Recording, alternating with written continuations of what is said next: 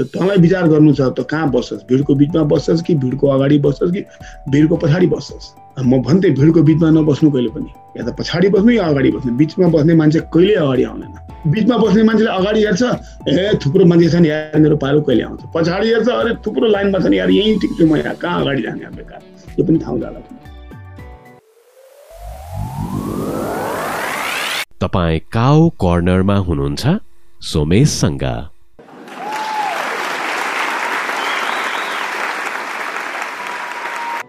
Hero हेर्न कसलाई मन नपर्ला र? चाहे त्यो सिनेमाको पर्दा होस् वा खेलको मैदान। हिरोको हिरोगिरी हेर्दा हामीले त्यो हिरो बनाउने को हो भनेर सोधीखोजी कमै गर्छौँ तर त्यसले हिरो बनाउनेको भूमिका सानो हुँदैन। एउटा खेलाडी बनाउन केही नभए पनि बाह्र पन्ध्र वर्षको लगातारको मेहनत चाहिन्छ र त्यो मेहनत खेलाडी बाहेक वरपरका अरूले पनि गर्नुपर्छ। नेपालमा खेलाडी बनाउने क्रेडिट सुशील चौगाई जति कमैलाई जान्छ होला। उनी आफ्नो जमानामा जति राम्रा खेलाडी थिए त्योभन्दा राम्रा ग्रास रुटमा क्रिकेटर बनाउने व्यवस्थापक र पछि नेपालका चयनकर्ता समेत भए। नेपालका लागि खेलिसकेका केही क्रिकेटर उनको योगदानको कदर गरेर थाक्दैनन्। क कर्नरमा आज हुनुहुन्छ सुशील चौगाई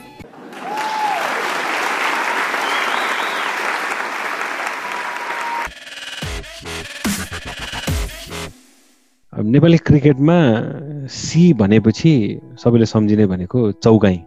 त्यसमा नि चौगाई सिनियर सुशील चौगाई। अनि सुशील चौगाईको दुईटा प्रेम अर्को दुईटा सी सिनेमा र क्रिकेट। आज एउटा कुरा भनिदिनु नि दाइ सिनेमा र क्रिकेट दुईटामा कसलाई बढी माया गर्नुहुन्छ? होइन बडा अप्ठ्यारो प्रश्न छ यो। अप्ठ्यारो कारण छ कि एउटालाई भनौँ भने बेमानी हुन्छ भित्र बाहिर मनबाट सिनेमा हो मेरो। सिनेमा मेरो बाल्यकालमा पहिल्यै आयो। क्रिकेट पछि आयो। क्रिकेट कुनै प्लान तरिकाबाट आएन। सिनेमा प्लान तरिकाबाट आयो। नाच्ने सुरुमा नाटक गर्ने सिनेमा हेर्ने। अब मेरो बुवा सिनेमा हलको म्यानेजर हुनुहुन्थ्यो। स्कुल सकिने बित्तिकै म सिनेमा हलमा गइहाल्थेँ। अनि कलैयाको सानो सिनेमा हल थियो पहिलेको जमाना अब आजभन्दा पचास वर्ष पहिले। त्यसमा मैले सबै काम गरेको छु सर। सबै टिकट पनि टिकट पनि काटेको छु। गेटमा पनि उभिएको छु। सिट पनि मिलाएको छु। काठको सिट हुन्थ्यो त्यो बेला। होइन? बाल्कुनी भन्ने बेग्लै क्लास हुन्थ्यो। प्रोजेक्टरमा पनि काम गरेको छु कुचो पनि लगाएको छु त्यो प्रोजेक्टरमा त्यो अपरेटरिङ सिक्ने बेलामा। सिनेमा पनि जोडेको छु किनभने त्यो बेला सानो सानो चक्कामा आउँथ्यो पन्ध्र सोह्रवटा चक्का बाह्र पन्ध्रवटा चक्कामा आउँथ्यो सिनेमा यत्रो चक्का आउँथ्यो पन्ध्रमा अनि त्यसलाई सिङ्गल प्रोजेक्टर थियो कलैयामा। अनि त्यसलाई जोड्थ्यौँ त्यसलाई। तिन तिन स्पुल बनाउँथ्यो। ठुलो गोलो स्पुलर तिनवटा हुन्थ्यो। दुईवटा इन्टरभल हुन्थ्यो। त्यो सबै सिकेको छु मैले। सिनेमा भन्ने बित्तिकै त सबैलाई हिरो बन्छु भन्ने हुन्छ नि। एक्ज्याक्टली तर मेरो अनुहार राम्रो थिएन जस्तो लाग्थ्यो मलाई। मेरो यो मुखको चाहिँ होइन यो राम्रो थिएन जस्तो लाग्थ्यो र फेरि अब इन्डियामा गाह्रो थियो। अब नेपालमा पनि गाह्रो किनभने नेपालमा हाम्रो अनुहारै मिल्दैन। नेपालमा हाम्रो जस्तो अनुहारको मान्छे खलनायक हुन्छ कि जुक्कर हुन्छ? हिरो चाहिँ हुँदैन। अनि म थियो कि होइन सिनेमा लाइनमा लागुला हिरो मात्रै किन? मेरो मजबुरी हिरो जो पनि बन्न चाहन्छ हिरोइनसँग। रोमान्स गर्न पाइन्छ नाच्न पाइन्छ होइन लास्टमा जित हुन्छ। जुन पनि मान्छे कुनै पनि विद्यामा होस् जित्न चाहन्छ कि? त्यो हाम्रो हिन्दी सिनेमामा नेपाली सिनेमामा हिरो जहिले पनि जितिरहेको हुन्छ। त्यसले गर्दाखेरि हामी बहुत हिरो बन्न एट्र्याक्ट भइहाल्छौँ। जबकि जिन्दगीमा हिरो मात्रै ठुलो होइन हिरोलाई हिरो बनाउने मान्छे ठुलो हो। त्यो एउटा धेरै ठुलो कुराहरू हामी त्यो बेला याद हुँदैन हामीलाई र हामीलाई जसले शिक्षा दिएको हुन्छ जसले हामीलाई सपोर्ट गरे हुन्छ हौसला बढाएको हुन्छ आमा बुवा या कोही फ्यामिली साथी कोही पनि त्यसको हामी कदरै गर्न गर्न सक्दैनौँ बिर्सिहाल्छौँ। अनि त्यसले गर्दाखेरि अनि त्यहाँबाट हाम्रो डिस्ट्राक्सन सुरु भइहाल्छ। त्यहाँबाट हाम्रो मनमा स्ट्रगल सुरु भइहाल्छ मनमा रिभोल्ट सुरु भइहाल्छ। किनभने हामी आफै नै अरूलाई रेस्पेक्ट गर्दैनौँ सफलताको चाहना राख्छौँ। जस्तो नेपालको क्रिकेटको कुरा गर्ने हो नरेश दाई जङ्गेल अब आदि मेरो बेलाको कन्टेम्पोरेरी साथीहरू अरू पनि सबै छैन त अहिले त अब। किनभने अब सबैले हरायो उसलाई अब उनीहरूको अब त्यो बेलाको देन थियो त्यो बेला अर्कै किसिमको माहौल थियो अहिले अर्कै किसिमको माहौल छ।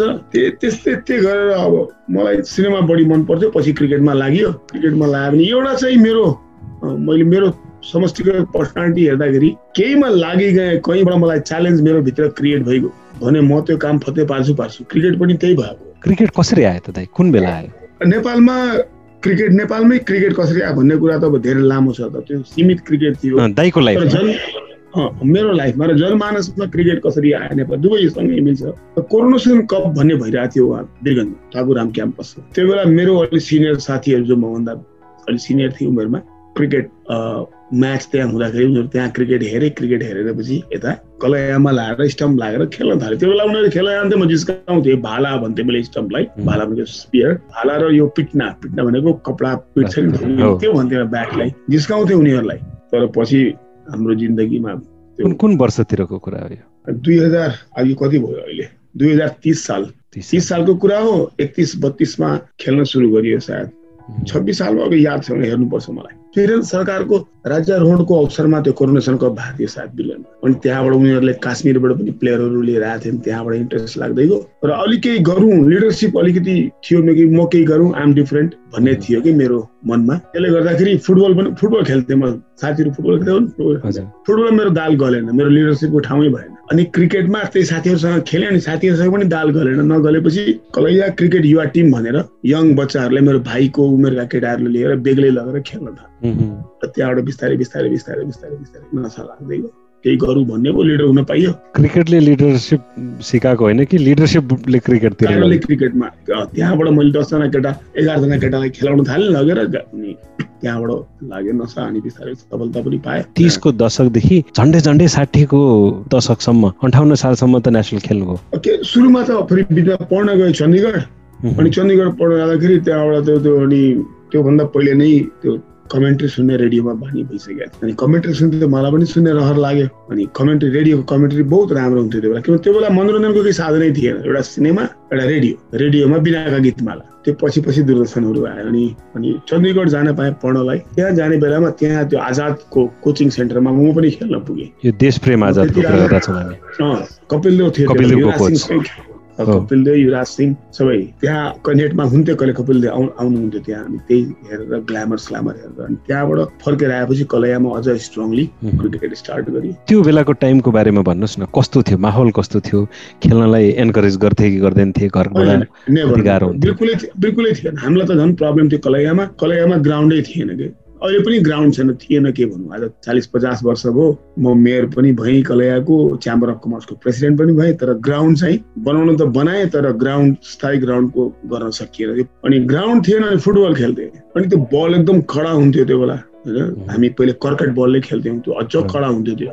डिस बल अझ कडा हुन्थ्यो। अनि त्यसले चोट लाग्थ्यो मान्छेहरूलाई। बढी गाली गर्थे। बहुत गाली एक दुईपल्ट सिडिओ कार्यालयसम्म पनि जानु परेको थियो। त्यो खेल बन्द गर्नु पर्यो मान्छेलाई चोट लागिरहेछ मलाई आफै तिन तिन ठाउँमा टाँगा लागेको थियो। यहाँ यता। तिन ठाउँमा मलाई नै चोट लागेको किनभने त्यो बेला प्रोटेक्टिभ गियर केही पनि थिएन। आजभन्दा कति छयालिस वर्ष पैँतालिस वर्ष पहिले। त्यहाँ माहौलै थिएन क्रिकेटको। तर त्यही एउटा लिडरसिप बन्न पाइन्छ। मनमा जुन थियो नि त्यसले गरेर म खासै म क्रिकेटको प्रेमी कुनै भाइ बहन जस्तो कनिष्कलाई कनिष्कलाई भाइ बहन क्रिकेट बनायो हामीले अब कनिष्कको त एडभान्टेज थियो नि त होइन? तपाईँ हुनुहुन्थ्यो नि त त्यहाँ। त्यही त भनेको मैले त्यो भएकोले मैले उसलाई बच्चामा उसलाई क्रिकेटको ब्याट दिएँ उसलाई। जबकि हाम्रो तराईमा बच्चामा लट्टु गुच्चा चङ्गा अनि यो सब आउँछ बच्चाको हातमा। तर हामीले उसलाई पहिलेदेखि नै क्रिकेटको ब्याट दियो प्लास्टिक त्यसै गरी विनोद दास उनी स्कुलमा बोर्डिङ स्कुलमा पढ्थे अनि उनी क्रिकेट त्यहाँ खेल्थे। त्यहाँबाट मेरो क्लबको साथीले निरञ्जन अग्रवाल नाउँ उहाँको मुन्ना भन्छ हामी। फिर्कुको दाजु। कहाँ फिर्कुको दाजु। उहाँले दाजु सुशीललाई यो केटा छ एकदम राम्रो खेल्छ। यसलाई राख्नु न यसलाई। डरको मारे कुनै पनि आउँथ्यो म बहुत रिसाउँथेँ म। म एकदम मैले त्यो बेला म एकदमै गाली पनि गर्थेँ बल चलाइन्थेँ ब्याट चलाइन्थेँ। म कन्भेन्सनल किसिमको म कि मलाई त्यो मेरो अगाडि चुनौती थियो कि मेरो अगाडि? मेरो अगाडि बिरगन चुनौती थियो। जियोग्राफिकली पनि हामी बिरगनबाट पीडित थियौँ। छायामा छौँ। र मेरो के एउटा कुरा थियो पिपलको मुनि कहिले पनि ठुलो रुख जन्मिँदैन। हामी बिरङको छाया थियौँ कि। नराम्रो तरिकाले पनि भन्थ्यो कि त्यो घन्डोको तल यसो त्यो पनि भन्थ्यो हामीले के। अनि मलाई त्यो ठुलो च्यालेन्ज थियो मलाई। टिभी साहसँग म जिन्दगीभरि झगडा गरेर बसेँ। उहाँसँग मिलेर बसिदिएको पनि म कानको मेम्बर हुन्थेँ उपाध्यक्षमा म पनि पुगिहाल्थेँ। म क्यानको मेम्बर आजसम्म पनि भएको छैन। मेयर हुनुभयो होइन? त्यहाँको अब उद्योग वाणिज्य महासङ्घमा पनि बस्नुभयो। क्रिकेटको त अहिले पछि अझ कुरा गरौँला। खलैयाको क्रिकेटरहरू मैले जतिजना चिनेको छु तिनीहरूले तपाईँको नाम लिन थाक्दैनन्। तर क्यानको मेम्बर हुन इन्ट्रेस्ट लागेन? केही कोसिस गर्नु भएन। लागेको थियो त गर्ने के त अब? किनभने हरदम झगडा गरेर बस्थेँ बिरेनसँग टिभी साथसँग कोही कुरै मिल्थेन मेरो उहाँको। अलिअलि त चाकडी सिक्नु पर्यो नि त। होइन अब त्यो सबैसँग सब कुरा हुँदैन। चाकरी गर्न आउँछ मलाई। म कलाकार हुँ मलाई चाकरी गर्न आउँछ। तर मेरो मनैबाट मनले मान्दैन कि। मनले मान्न लास्टमा त यस्तो पनि लाजको कुरा भयो मेरो लागि मेरो भाइ बिस बिस वर्ष पहिले मेरो भाइ क्यानको चुनाव हुन थालेको अन्तिम त्यो बेलामा। त्यो बेला मेरो भाइ मधिसे पार्टीमा थियो आएको छोरा। अनि दाइ तँलाई चाहिन्छ सिफारिस म सिफारिस गराइदिउँ? मैले मैले भनिदिएँ गराइदिएन मेरो सिफारिस मधिसे पार्टीकोतिरबाट हुनको मलाई त्यो लाज लाग्यो मेरो भएन। अबेला भयो भनिदिए उनीहरूले। र मलाई बहुत लाज लाग्यो कि मैले यो पहिलोपटक लाइफमा सिफारिस लिएन। मैले सिफारिस लिएर त किन गर्ने भन्ने मेरो थियो। तर त्यहाँ माहौलै बनेन। चुनावै हुन्थेन। अनि उहाँको टिभी जेल पनि हाम्रो ऊबाट हुनु त उहाँले तर पछि चाहिँ गुण लगाएर मलाई क्रिकेट छनौट कमिटीको अध्यक्ष बनाइदिनु भयो। पहिलो पहिलो जुन भनौँ त्यहाँ उहाँले परिकल्पना उहाँहरूले परिकल्पना गर्नुभयो त्यो परिकल्पनामा मलाई अध्यक्ष बनाइदिनु भयो यति हो ठुलो मेरो एउटा क्रिकेटसँग एफोलेसन बाल्यकालमा जुन बेला क्रिकेट खेल्न थाल्नुभयो चण्डीगढ पढ्न त पछि जानुभयो त्यति बेला कोही हिरोहरू थिए के कुराले तान्यो क्रिकेटको? हाम्रो बेलामा त Gavaskar Vishwanath Derek Underwood Dennis Lillee Jeff Thomson यिनीहरू थिए। रेडियोबाट सुन्थ्यौँ हामी। र यिनीहरूले निकै आकर्षित गर्थे र फेरि म भन्न सिनेमाको मान्छे भएकोले क्रिकेटको सिनेमासँग एकदम इन्डियामा बहुत नजिकको लिङ्क छ कि? अब अलि लिङ्क कम भएको छ। अहिले पहिला त एकदमै होइन ग्यारी सोवर्स आएपछि अन्जु महेन्द्र जाने राजेश खन्नाको एक्स गर्लफ्रेन्ड अरू त थाहै छ बिहार होइन सबै जिन तमान इमरान खान आएपछि पछि पर्ने होइन। त्यो लिङ्क पनि एट्र्याक्सन थियो एउटा त्यो पनि क्रिकेटरको मलाई क्रिकेट के हो क्रिकेट कलैयाको हिसाबले क्रिकेट कुनै गेमै होइन खास। हामी कलैयावासीहरू फुटबलमा भलिबलमा बढी केन्द्रित थियो। कबड्डी फुटबल भलिबल यो हाम्रो खेल हो। क्रिकेट होइन। तर चाहिँ लिडरसिप गर्न पाइन्छ भनेर एउटा हुन्छ नि एकजना जस्तो दसजना बसिरहेछ। अब दसजनामा एउटा चाहिँ केही गर्न मन लागिरहेछ उसले गर्न सकिरहेको छैन उनले केही नयाँ बाटो निकाल्छ उसले। त्यो हो मेरो क्रिकेटको। म क्रिकेटको कुनै सुरुमा मलाई किन मैले बचपनमा क्रिकेट खेल्न क्रिकेट सुरुवात भएको चौध वर्षको उमेरदेखि। एसएलसी पास गरिसकेपछि कलेजको हाराहारीको बेला क्रिकेट सुरु गरेको मैले। कलैया क्रिकेटको ठाउँ होइन भन्नुभयो। तर पछि आएर त कलैयाबाट एकै समयमा चार चारजना टिममा राष्ट्रिय टिममा पर्ने पनि भयो। त गड भएर गयो नि त त्यो त्यो श्रेय तपाईँलाई दिँदाखेरि तपाईँ श्रेय लिनुहुन्छ कि लिनुहुन्न त्यो? श्रेय किन लिन? हरेक मान्छेलाई नाम चाहिन्छ मलाई पनि चाहिन्छ म पनि कुनै अपवाद होइन। तर कुरा के भयो नि पछि एकदम पारियो हामीले कि कलैयाको नाम यदि केही कारणले छ भने एउटा खसीको सेकुवा मासु र अर्को क्रिकेट। त्यो पारियो। अनि त्यसकारण सबैजना क्रिकेटमा लागे। जहाँ गए पनि रेस्पेक्ट गर्ने चन्दा दिने नगरपालिकाले दिने जिल्ला विकासले दिने। अनि त्यो त्यो बिचमा मसँग एउटा साथी हुनुहुन्थ्यो मेरो भाइ जस्तो हो तर मेरो साथी हुनुभयो बिजनेस पार्टनर भए। दिनेश अग्रवाल उहाँ गुज्रिनु भयो उहाँ। उहाँ हो मेन मेरो पछाडि मलाई होस्टेमा हैसो गर्ने। उनको अब उनको नाम छैन किनभने उनले त्यो नामवाला किसिमले रोले गर्न र म भन्न म त्यहाँ बर पिपल भइगएँ मेरो मुनि कोही अब अर्को कोही आउनै सकेन। यदि मैले क्रिकेट कलैयामा जन्माएको त होइन तर क्रिकेटमा मैले कलैयामा स्याहार सुसार गरेको हो भने उसले हो वातावरण मिलाइदिएको। श्रेय मेरो बराबर भन्दा बढी उसलाई श्रेय जानुपर्ने। तर उसको कन्टिन्युटी भएन मेरो कन्टिन्युटी भइरह्यो। र मैले अलिकति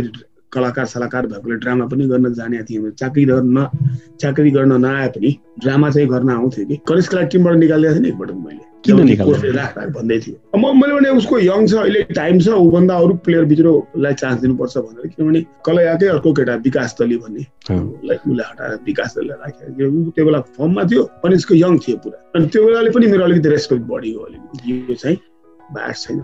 कनिष्कको नाम आएकोले यो सम्झिन्छु पनि। टियुको ग्राउन्डमा हामी क्रिकेट हेरेर आउँथ्यौँ सुरुवाती दिनका कुरा। Two thousand one two three त्यति बेलाको कुरा। अनि दाइ पनि बाहिर बसिराख्नुहुन्थ्यो क्यामेरा लिएर। अनि कनिष्क जति राम्रो खेले पनि ऊ बिचराले गाली नै खान्थ्यो। मलाई बडा मन मन हुन्थ्यो कि। अब तपाईँले कहिले भन्न सकिनँ मैले यो कुरा? अनि यो कुराको म रियलाइज भइरहेछ। यो म सोमेश बिचमा काट्छु कुरा। यो एकदमै म अहिले रियलाइज गरिरहेको छु कि म एम्पायरसँग झगडा गर्ने बेतिया खेल्न जान्थ्यौँ त्यहाँ गएर झगडा गर्थेँ एम्पायरसँग कमिटीसँग झगडा गर्थेँ टिभी साथसँग झगडा गर्थेँ ग्राउन्डमा झगडा गरिदिन्थेँ एकपटक कुकु भन्ने हुनुहुन्थ्यो वीरगन्जको सरदारजी उहाँ उहाँ पनि खस्नुभयो। पुरस्कार लिन गइनँ मैले र दिएपछि मलाई थुकिदिएँ मैले त कपमा त म अजिब किसिमको होस्टाइल र एग्रेसिभ मान्छे थिएँ कि। मलाई त्यो हन्ड्रेड भन्दा कमको मलाई आशै थिएन क्रिकेटमा। त मलाई त बर्दास्तै हुन्थेन कि मलाई। कि कनिष्क चालिस रनमा आउट भइहालोस् बिस रनमा आउट भइहालोस् मलाई आई डोन्ट द्याट या विनोद दासले पाँच विकेट नलियोस् मलाई त्यो म एकदमै एग्रेसिभ थिएँ। म कलैयाको नाम होस् र क्रिकेटको नाम होस् म चाहिँ जे पनि गर्न तयार थिएँ। मलाई त्यो त्यो बेला कहीँ मलाई त्यस्तो भएको भए त्यो सौरभ गाङ्गुलले नाङ्गो भएर हिलाए जस्तै म अन्डर प्यान्टसँग पनि खोल खोलेर घुमाइन्थेँ यति एग्रेसिभ र यति पागल थिएँ क्रिकेट किनभने मेरो लागि त्यो बेला एउटै एम थियो। कसै गरी पनि म मलाई टप हुनु छ मलाई नेपालमा। अर्को एउटा कुरा मदिसेवाला कुरा पनि थियो। अब चौगाई भनेर चौलागाई चौलाइ भनेर कलैयामा काठमाडौँमा छ सात वर्षमा क्रिकेट खेल्यो। यो तराईको बाहुन साउन हो भनेर मलाई सबले आस्था गर्थेन तर अब यो मधेसी हो डिस्क्रिमिनेसन्स हुन थाल्यो अलिक फिल हुन थाल्यो। अनि मलाई बहुतै फिल हुन्थ्यो कि यो कुराले। अहिले पनि म हामी तराईकामा जो हामी इन्डियन कल्चर फलो गर्छौँ। हामीलाई नम्बर टू सिटिजनै भनिन्छ कि। र राजतन्त्रको बेलामा झन् गाह्रो हुन्थ्यो पछि डेमोक्रेसी आएर अर्कै पारामा गइयो देशै विभाजनको हिसाबले कुरा हाल्नु थाल्यो अब त। बडा खराब कुरा हो हामी सबै नेपाली हौँ होइन? चार जाति छत्तिस वर्णकै नि त्यो तर अहिले अर्कै किसिमको छ अब यहाँ आइयो। म बिचमा फर्कि फर्किँदै म यहाँ अमेरिका आएको पाँच छ महिनालाई मात्रै थिएँ।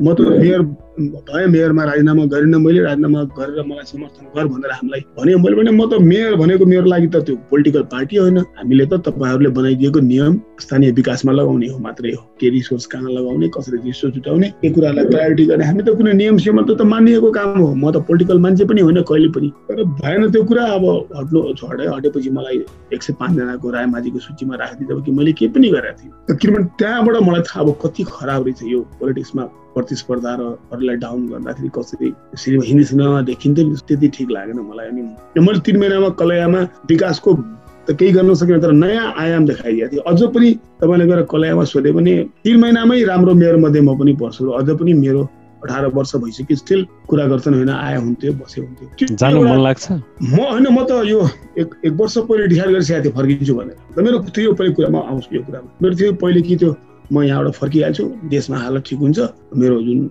रायमाझीको जुन लेभल छ त्यसले गर्दाखेरि मलाई कोही बोलाउँदै नबोलाउने। म सोसल काममा लागेपछि नबोलाउने दाइ तपाईँलाई बोलाएपछि अरू अरू आउँदैन भनेर अनि म जाँदैन जाने घरमा एक्लै पऱ्यो अनि अब उपाय नै थिएन अनि करेन्सलाई भेट्न भनेको अप्लाई गरेको मेरो भइगयो भिसा मलाई त विश्वासै थिएन भिसा म त्यो बेला समर्थनकाल भइसकेको थिएँ ब्याङ्क भइसकेको थिएँ। संजोग के भन्ने मेरो राम्रो परिदियो उसले उसले पत्याइहाल्यो उसले पत्याएर दियो दिएपछि यहाँ आएँ यहाँ आएर छ महिनाको थियो फर्किने बेलामा फर्किन्छु भनेको त तराईमा मधेसी आन्दोलन सुरु भयो। मूर्ति थियो हाम्रो भरत बहादुर श्रेष्ठ जसले कलैयामा विकासको सुरुवात गर्ने उहाँहरू उहाँको मूर्ति तोडिदिए उहाँको भरत बहादुर श्रेष्ठ।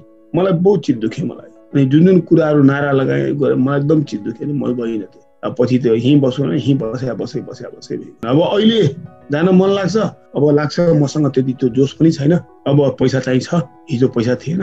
हिजो मेयर हुँदाखेरि खल्ती बाहेक पैसा थिएन। होइन न पैसा कहीँबाट आउँथ्यो तलब एकदम कम थियो। अनि तर अहिले पैसा छ। तर अब मेयर बन्न सक्ने जाँगर छैन किनभने पोलिटिकल पार्टी।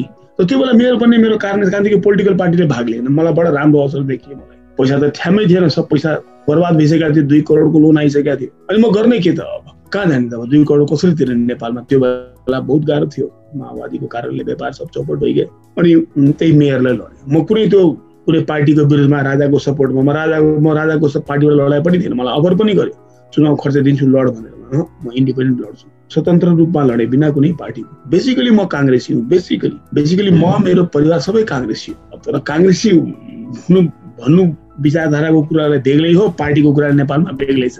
नेपालमा आफै आफ्नै किसिमले गर्छन् जो उनको पार्टीको मेम्बर छ त्यही काङ्ग्रेसी हो नेपाल।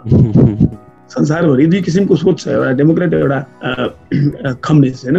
त्यसमध्ये डेमोक्रेटतिर हुँ म तर नेपालमा डेमोक्रेटहरूलाई नेपाली कङ्ग्रेसको टिकट लिनुपर्छ।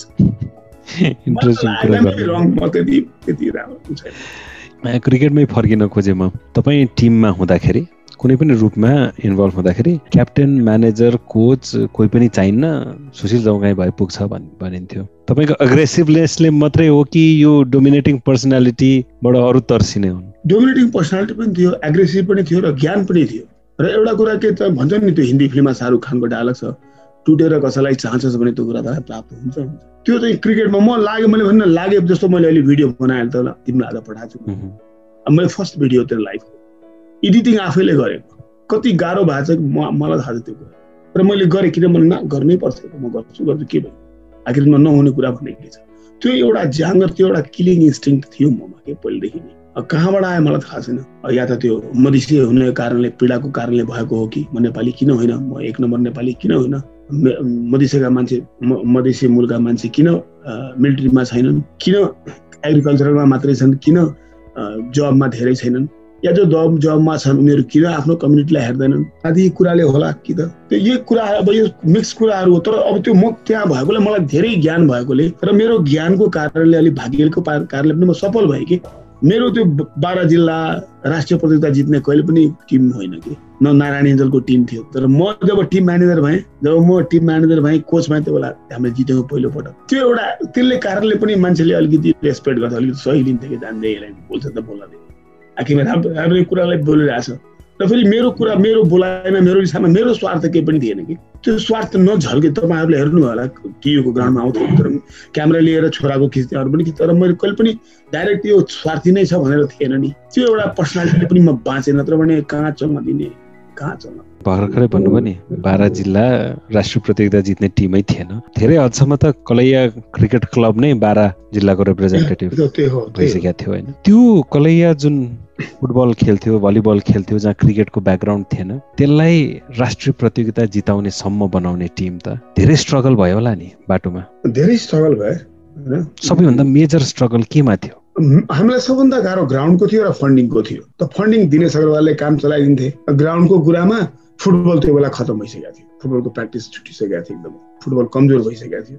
सबैजना क्रिकेटमा लागिसकेका थियो र हाम्रो नेपालको क्रिकेटको विकासमा त अब खोइ सोमेश यो कुरामा एग्री होला कि नहोला इन्डियन क्रिकेटको टेलिभिजन प्रसारण ठुलो भूमिका राख्छ। मान्छु जब इन्डियाले वर्ल्ड कप जित्यो नाइन्टिन एटी थ्रीमा त्यहाँदेखि नेपालमा क्रिकेटको लहर चल्यो। प्लस आइसिसी र आइसिसीले फन्डिङ दिन थाल्यो। पैसा दिन थालेपछि त नेपालमा त लिडरहरू खडा भइहाल्छ नि सबै ठिक नत्र भने एउटा ग्राउन्ड बन्दैन असो मिल मूल पानीको ग्राउन्ड बनिएको छैन। जब कि बङ्गलादेश अब मेरो बेलामा बङ्गलादेश हामी खेल्न जान्थ्यो फ्रेन्डली म्याच म त गएको छैन तर मेरो अरू साथी अमन शर्मा भन्ने गएर आएछ। म चाहिँ इन्डिया जानुभयो नि होइन?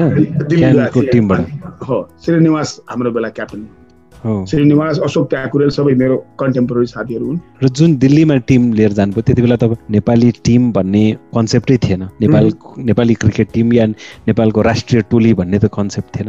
त्यति बेला केही कल्पना थियो? नेपालको लागि खेल्छु। अनि त्यसै त त्यहाँ गएकै थिएँ नेपालको नेपालको त्यही बेला नेपालै भन्थ्यौँ हामीले आफूलाई। नेपालकै टिम भन्यो एउटा क्लबको नाम राखेका थियौँ थियो त डेफिनेटली नेपालको लागि खेल्नु आफ्नो देशको लागि खेल्नु त बडा ठुलो उपलब्धि हो नि। जुन मेरो छोराले मेरो लागि पुरा गर्यो जुन विनोद दासले मेरो लागि पुरा गरे के नेपालको क्याप्टेनसम्म भयो म त हुन सकिनँ। द्याट डजन्ट म्याटर के। त मेरो त्यो लेगेसी क्यारी गर्यो। अब त्यो लेगेसी छैन हाम्रो केही पनि। त्यो थियो त्यो हाम्रोमा। र त्यो बेला चाहिँ नेपालको जुन टिम गएको थियो नि त्यो बेला तिन चारजना इन्डियाबाट खेलेर आएका थिए। र दुई तिनजना त निकै ट्यालेन्टेड अशोक प्याकुरेल अशोक प्याकुरेलको दाई सागर प्याकुरेल श्रीनिवास राणा इन्डियाबाट खेलेर बनारसबाट खेलेर आउनुभएको थियो सर श्रेष्ठ भन्ने थिए अग्ला अग्ला पातले पातले हुनुहुन्थ्यो कि उहाँ पनि इन्डियामा खेल्नु भएको थियो राम्रो टिम थियो त्यो बेला राम्रो टिम थियो अनि त्यहाँ हामीले खेल्यौँ पनि राम्रै पर्फर्मेन्स हुने त इन्डियासँग कहाँ इन्डियाको लोकल क्लब पनि कहाँ छ कुन लेभलको खेलहरू भएको थियो अनि लेभल थिएन त्यो उनीहरूको आइरन स्टिल फ्याक्ट्री भन्ने कुनै टिम थियो त्यो हिसाबले उनीहरू गइरहेको थियो तर टर्फ क्रिकेटमा पहिलोपल्ट घाँसमा खेल्न पाएको पहिलोपटक जुत्ता हामीसँग थियो त्यो अर्डिनरी टेनिस सुहरू टेनिस सु जस्तो स्पोर्ट्स थियो। अनि त्यो घाँसमा हरदम चिप्लिहाल्ने तिन पटक त मैले चिप्लेँ बलिङ मार्कमा त्यो बहुत रमाइलो भएको थियो त्यो बेला। त्यो बेला चाहिँ त्यो मेरो लागि त्यो बडा खाली। अनि हामी अब तराईबाट आएको हेर्नुहोस् अलिक अङ्ग्रेजी कम बोल्ने धेरै बोल्न नसक्ने अब बोले पनि डर लाग्ने। त्यो बेला अब सब श्रीनिवास राणा अब होइन एकदम मस्त फर्स्ट क्लास एकदम। उहाँले मलाई रेस्पेक्ट गर्नुहुन्थ्यो। साथी साथी भन्नुहुन्थ्यो आई वाज ह्याप्पी त्यसै कारणले खेल्न पनि पाएन त म खेल्न पनि पाउँथेन। मैले चार विकेट लिएको थिएँ त्यो म्याचमा। कुन वर्षको कुरा हो यो? यो म हेर्नुपर्छ मलाई याद छैन यो नाइन्टिन एटिजमा। लेट एटिज या एटी एटिजमा होला। त्यो पछि बङ्गलादेश जान थाल्यो टिम। त्यो पछि बङ्गलादेश जान थाल्यो। बङ्गलादेश जाने टिममा म पढिनँ भैरवाको राष्ट्रिय प्रतियोगिता भएको थियो त्यहाँ चाहिँ अनुप थापालाई बेस्ट बलर पाए पुरस्कार म सेकेन्डमा भएँ। एक एक विकेट कम भइगयो मेरो। त्यसले गर्दाखेरि उसको सिलेक्सन भएको थियो। आफूलाई अलराउन्डरै मान्नुहुन्थ्यो कि बलर मात्रै? म इमान्दारीले भन्नु पर्दाखेरि म केहीमा पनि मेरो स्किल थिएन मेरो। मेहनतले मात्रै ट्रस्ट मेहनतले मात्रै बडा मेहनत गर्थेँ अब क्याप्टेन थिएँ दादा थिएँ बस थिएँ होइन टिमको त सबभन्दा बढी मैले सबभन्दा पहिले मलाई पुग्नु पर्ने म पुगेपछि अरू आउने अनि टिम म्याचहरू मैले आयोजना गर्ने भन्दाखेरि म अगाडि आएकोले मलाई नै बढी खेल्नु पर्ने। र फेरि मलाई उदाहरण पनि स्थापित गर्नु थियो। अन्न गाली गाली गरेपछि मान्छेले सहन्छ। मैले तपाईँलाई खाना पनि खुवाइनँ पानी पनि छोदिनँ। र मैले तपाईँलाई गाली गर्न थालेपछि आजको त्यो बेला आजको जमानामा त कुरै आएन। त्यो बेला कसले पनि बिहेर गर्ने? तर त्यो कारणले मलाई बेला बढी मिहिनेत गर्नु पर्थ्यो। अनि म स्विङ गर्न सक्थेँ कि त्यो बेला। स्पिड धेरै थिएन एक सय दस किलोमिटर होला मेरो विचार। तर स्विङ गर्थेँ। मेरो इन स्विङ एकदम डेडली थियो। मैले काठमाडौँको टुटी खेलमा टुटी खेलमा मदन मेमोरियल आदि म्याचहरू हुन्थ्यो। आठ विकेट लिएछु मैले। जावला खेल टिमको एगेन्स्टमा म। युबिसिसीबाट खेल्थेँ। आठ विकेट पहिलो पटक मलाई बोलाएर लगाएको थियो। त्यहाँ म पढ्थेँ पनि त्यो ठमेल शङ्करदा क्याम्पसमा। अनि पछि ठमेलको टिममा गएर रवि रवि थापा भन्ने हुनुहुन्थ्यो। उहाँले मलाई साह्रै इम्प्रेस गर्नुभयो। उहाँ पनि बित्नुभयो। त्यो त्यहाँबाट मलाई त एकदमै त्यो मेरो डेडली त्यो स्विङ चाहिँ अनि फेरि लेट स्विङ हुने मेरो। अनि त्यो पछि मैले डेभलप गरेँ स्लो बलिङ गर्ने। सायद क्रिकेट वर्ल्ड क्रिकेटमै पहिलो स्लो बलिङ गर्ने स्विङको सँग। स्लो बलिङ मतलब स्पिड मात्रै कम होइन। स्लो गर्दाखेरि बल ट्याकर जाने अनि सट्ट घुमिहाल्ने कि इन स्विङ भइहाल्ने। लेट स्विङ हुने क्या स्लोमा त्यो मेरो कन् मेरो साथीहरूलाई सोध्नु होला त्यो चाहिँ मैले नेपालमा लागेको त्यो त्यो विद्या चाहिँ स्लो बलिङ गर्ने अनि पछि आएर त कमन भइगयो अब त। अब त दस किसिमको नक्कल बलिङ नै के के भन्दै के खानु थाहा त्यति बेला त्यही भिडियो फुटेजहरू हुँदैन नत्र त्यो हेर्न अहिले कति रमाइलो हुन्थ्यो होला। इभन मतलब म फेरि म बलिङ गर्दाखेरि बडी बेन्ड पनि गर्थेँ। धेरै हाइटबाट बल छोड्दिनँ यस कारण डेकमा हान्न सक्दिनँ। नहान्दाखेरि नेचुरल स्विङ हुन्थ्यो किनभने मैले यो यो एकदम स्ट्रेट तान्थेँ कि त्यो अनि त्यसले तान्दाखेरि मेरो स्पिड पनि नआउने त्यो टेक्निकल कुराहरू थियो। त म चाहिँ राम्रो खेलाडी चाहिँ होइन लेट मी टेल यु मेरो नजरमा। बस भएपछि टिममा परिहाल्छु होइन अगाडि पनि खेल्न पाइहाल्छु। अनि ब्याटिङ बलिङ ठिकै ठिकै गर्थेँ। ब्याटिङ बलिङ फिल्डिङ मतलब एकदमै खराब खेलाडी चाहिँ थिइन् तर। राम्रो खेलाडी थिएन भन्ने कुरामा मैले अलिकति म किन मान्दिनँ भने अब तपाईँ खेलेको भनेको अन्ठाउन्न सालको नेसनल खेलेको जस्तो लाग्छ मलाई। त्यति बेला खेलाएको मैले। त्यति बेला त्यति बेला उमेर कति थियो भनिदिनुहोस् न। धेरै पहिले खेलाएको थियो नेसनल मैले होइन अन्ठाउन्नमा होइन धेरै पहिले। पोखरामा सेकेन्ड राष्ट्रिय खेलकुद भएको थियो नि। त्योभन्दा पहिलेदेखि खेले। नै नै अन्तिम भनेको अन्तिम अन्तिमचोटि खेलेको। अन्ठाउन्न त्यति बेला त या त चालिस कटिसक्यो हुनुपर्छ तपाईँको उमेर। अब त्यो हिसाबले बिस भयो चालिस कट्यो चालिस भयो। चालिस चालिसको उमेरमा नेसनल खेल्ने भने चाहिँ राम्रो प्लेयर नभए त गाह्रो छ। मतलब नेपालको कन्टेस्टमा राम्रै हो तर त्यो क्रिकेटिङको हिसाबमा जुन आजको जुन क्रिकेटको स्ट्यान्डर्ड छ त्यो हिसाबमा हामी कहीँ पनि थिएन। विनोद दासले यही पोडकास्टमा तपाईँलाई सम्झिएको थियो। सम्झेर के भनेको थियो भने सानै छँदा तपाईँको एउटा कुरा के याद रहेछ भने अरूभन्दा अगाडि बढ्नु छ अरूभन्दा केही राम्रो गरेर देखाउनु छ भने अरूभन्दा बढी मेहनत गर्न सक्नुपर्छ। त्यो चाहिँ दुई दिन त्यही मैले भन्नु त्यो कुरा मेरोमा थियो कि एग्रेसिभनेसमा यसकारण मलाई बर्दास्त पनि गर्थे मान्छे। नत्र भने भनौँ न अब कति पुराना विद्वानहरूका कुरा छ रिस जस्तो जवाहरलाल नेहरू। एकदम रिसाउँथे तकिया फालिदिन्थे होइन मिटिङमा होइन? तर उनीहरूलाई मान्थे। एउटा आफूसँग स्किल खुबी हुनुपर्छ जुन चाहिँ त्यो त्यो बेला जायज होस्। त हामी फाइनेन्सर पनि थियौँ क्लबको लागि। आयोजक पनि थियौँ। अब नजाँदाखेरि केटाहरू झगडा थाल्ने ब्याटिङ मलाई चाहियो पहिले भनेर। कोही केटाले पन्ध्र मिनट ब्याटिङ गरिदिने कोही पाँच मिनट ब्याटिङ नपाउने। तराईमा जाडोकै बेलामा एकदम सानो समय हुन्छ बेलुका। ठ्याक्राक्क अँध्यारो भइहाल्छ त्यति डेढ घन्टाको टाइममा आएर म्याट ठोक्ने रोल गर्ने म्याच ठोक्ने अनि त्योपछि केटाहरूलाई ब्याटिङको पालो मिलाउने मुस्किलले छ सातजनाको पालो आउँथ्यो त्यो बेला चाहिँ हाम्रो टिम एकदम स्ट्रङ भइसकेको थियो। पवन अग्रवालहरू बिरुवा आइसकेका थियो। अब उनीहरूलाई नदिएर अब कहाँ अरूलाई अनि त्यो मिलाउँदाखेरि मलाई हुनु पर्यो अनि आज जसले छवटाले ब्याटिङ गरेर भोलिपल्ट छ छजनाले ब्याटिङ गर्ने। त्यो छजनामा हिजोको दुईजना जुन टप छ पवन अग्रवाल त्यसलाई खेलाउने कनिष्ठ खेलाउने त्यसलाई नेक्स्ट पनि खेलाउने त्यो बोल्थेन मैले यसरी गर्दाखेरि किनभने मलाई त्यो मिलाउनु पर्ने थियो। त्यो एउटा कारण पनि हो कि मान्छेले त्यो त्यो मिलाउनु सक्ने भएकोले इम्पोर्टेन्स पनि आयो। रेस्पेक्ट गरेपछि न के थियो राम्रो काम गरेर मेरो नाम भइहाल्छ अटोमेटिकली मैले केही गर्नै पर्दैन। नामको भोग थियो। नामको भोग यो त नाम काम गरेपछि आउँछ भन्ने थियो कि कपडा लगाएर अनुहार लगाएर या स्याम्पू गरेर या डाई गरेर आउँदैन नाम होइन? पढेर होइन? लडेर जितेर नाम आउँछ भन्ने थियो। कनिष्ठलाई पनि त्यही सिकाएँ विनोदलाई पनि त्यही सिकाएको थियो कि we have to struggle very hard हामीलाई अगाडि आउनु छ हामीलाई अब त्यो तँलाई विचार गर्नु छ त कहाँ बस्छस्? भिडको बिचमा बस्छस् कि भिडको अगाडि बस्छस् कि भिडको पछाडि बस्छस्? म भन्थेँ भिडको बिचमा नबस्नु कहिले पनि। या त पछाडि बस्नु या अगाडि बस्नु? बिचमा बस्ने मान्छे कहिले अगाडि आउँदैन बिचमा बस्ने मान्छेले अगाडि हेर्छ ए थुप्रो मान्छे छ नि यहाँ मेरो पालो कहिले आउँछ? पछाडि हेर्छ अरे थुप्रो लाइनमा छ नि यार यहीँ ठिक छु म यहाँ कहाँ अगाडि जाने यहाँ बेकार? यो पनि ठाउँ जाला त्यो पछाडिवाला मान्छेलाई एकदमै कहिले काहीँ आउँछ एउटा टर्निङ पोइन्ट कि न म त अगाडि पुग्छु। कुरा अब सिनेमावाला पनि भएकोले डायलग सालग खुब आउँथ्यो कि त्यो धेरैजना खेलाडी ग्रुम गर्नुभयो नि त। कलैयाबाट अब कनिष्कलाई छोडेर कुरा गर्दाखेरि अहिलेसम्मको नेपाली क्रिकेटमा सबैभन्दा इम्प्रेस गरेको तपाईँलाई कसले हो? म कलैया कलैया केटाहरूलाई छोडिदिन्छु म। म कलैया केटाहरूको कुरा गर्दिनँ है। मेरो बेलामा मलाई इम्प्रेस गरेको अनुप थापा भन्ने खेलाडीले बहुत इम्प्रेस गरेको थियो अनि विराटनगरको साथी मेरो उसले मलाई बहुत इम्प्रेस गरेको थियो रिजाल कस्तो नाम साथीको बिर्सियो अब सम्पर्कमा नभएकोले निरञ्जन रिजाल निरञ्जन रिजाल र यता अनुप थापा यिनीहरूले मलाई बहुत इम्प्रेस गरेको थियो यिनीहरूसँग ट्यालेन्ट पनि थियो उहाँले ट्यालेन्ट दिएको थियो यिनीहरूलाई तर अब यिनीहरूले क्यासे गराउन सकेनन् कि? त्यो मेरो अलिकति गुण यिनीहरूलाई गइदिएको भए उनीहरू धेरै माथि पुग्थ्यो र हाम्रो नेपाली क्रिकेट अझ माथि पुग्थ्यो। किन क्रिकेट त देशले होइन नि त प्लेयरले माथि आउने हुने अहिले हेर्नु न आफ्टर धोनी इन्डियन क्रिकेट अर्कै भइगयो नि। जब कि before Dhoni Dennis Lillee bowling गर्ने बेलामा या मामुली मिडल मिडियम पेसर बलिङ गर्ने बेलामा इन्डियन ब्याट्सम्यानको खुट्टा लेग स्टम्पमा हुन्थ्यो यो कुराहरू त खेलाडीले गर्ने हो कि? त्यस्ता खेलाडीहरू अब हुन सकेन पैसाको कमी होला या त्यो लिडरसिपको प्रब्लम होला या अलिकति इगो होला केही न केही होला तर मलाई उनीहरूले इम्प्रेस गरेको थियो बहुत ज्यादा। निरञ्जन रिजाल अनुप थापा मेरो बेलाको कलैयामा त अब डेफिनेटली सबभन्दा राम्रो भनेको पवन अग्रवाल हो कलैयामा सबभन्दा राम्रो सबभन्दा राम्रो। अलिकति भाग्य भएन कि भनौँ क्या हो? या उसको अब करियर अर्कैतिर गयो भने धेरै ट्यालेन्टेड केटा थियो त्यो। र तर त्यो तर विनोद दास ठ्याक्राक्क लाइटमा आइहाल्यो मेहनत पनि गरे उसले र लाइटमा पनि सबभन्दा बढी पेस उसकै थियो त्यो बेला। सागर प्याकुरेल अनुप थापा मेरो बेलाको सबभन्दा बढी पेस थियो त्यसको हाराहारीमा यसको पेस थियो र यसले डेकमा बल हिट गर्थ्यो। त्यो एउटा लामो अग्लो लामो भएको त्यसले गर्दाखेरि यो माथि आयो धेरै यिनी तर बेसिकली पवन अग्रवाल धेरै ट्यालेन्टेड प्लेयर थियो।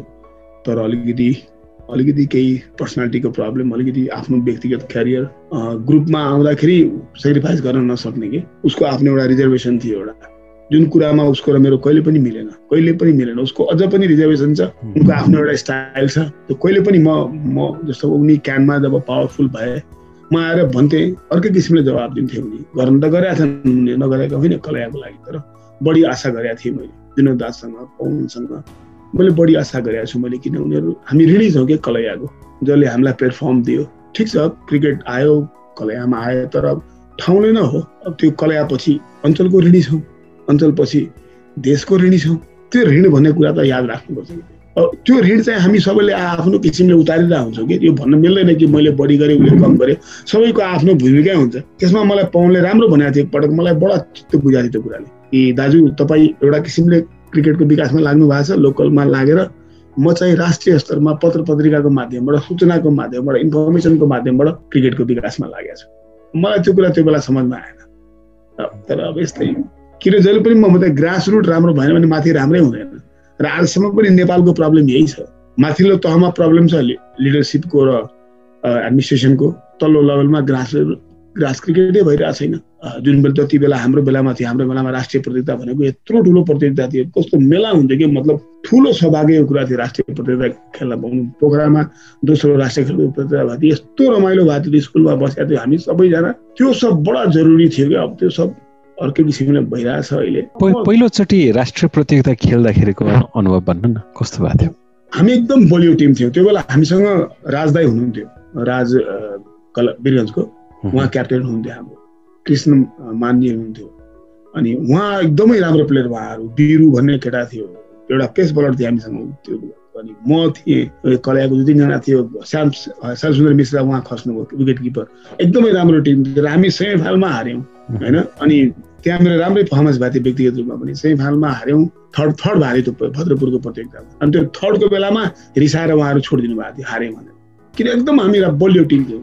अब पुरा याद छैन कसरी हार्यौँ तर सेमी फाइनलमा हार्यौँ तर हामी थर्ड भयो प्रतियोगितामा थर्डको क्याप्टेन्सी मैले गरेको थिएँ म भाइस क्याप्टेन थिएँ। उमेर कति थियो त्यति बेला? म यङै थिएँ अब कति बेला थियो मलाई त्यति आज उन्चालिस साल हो क्या हो खोइ कति हो? म होला बिस बाइस वर्षको होला म यङ थिएँ एकदमै। अनि त्यो पछि जब सेकेन्ड टाइम जब राष्ट्रिय खेलकुद प्रतियोगिता अब म भाइस क्याप्टेन थियो मलाई क्याप्टेन हुनुपर्ने। टिभी साको मैले भनिहालेँ सुरसन छेत्रीलाई क्याप्टेन बनाइदिएँ बनाएपछि म रिपोर्ट गर्न स्टार्ट गरेँ। त्यहाँदेखि मलाई एकदम रिस हुन थाल्यो। टिभी सा पछि पछि पनि जहिले पनि प्राथमिकता वीरगन्जको मान्छे वीरगन्जपछि कलैयाको कलैयापछि जनकपुरको त्यो अनि मात्रै लास्टमा काठमाडौँ पुग्नुहुन्थ्यो। पवनलाई क्याप्टेन बनाएर पठाउनु हो याद छ? राजु खड्कालाई फिसा नपाएपछि पवनलाई क्याप्टेन बनाएर पठाउनु भयो। जबकि पवन टिममै थिएन। एउटा मान्छे जो टिममा छैन ऊ कसरी क्याप्टेन भइहाल्छ? ठिक छ एउटा टिममा प्लेयर बनाएर पठाएन बट इज सच पर्सनालिटी त्यो थियो उहाँको। त्योमा मसँग मेरो नमिल्ने कुराहरू।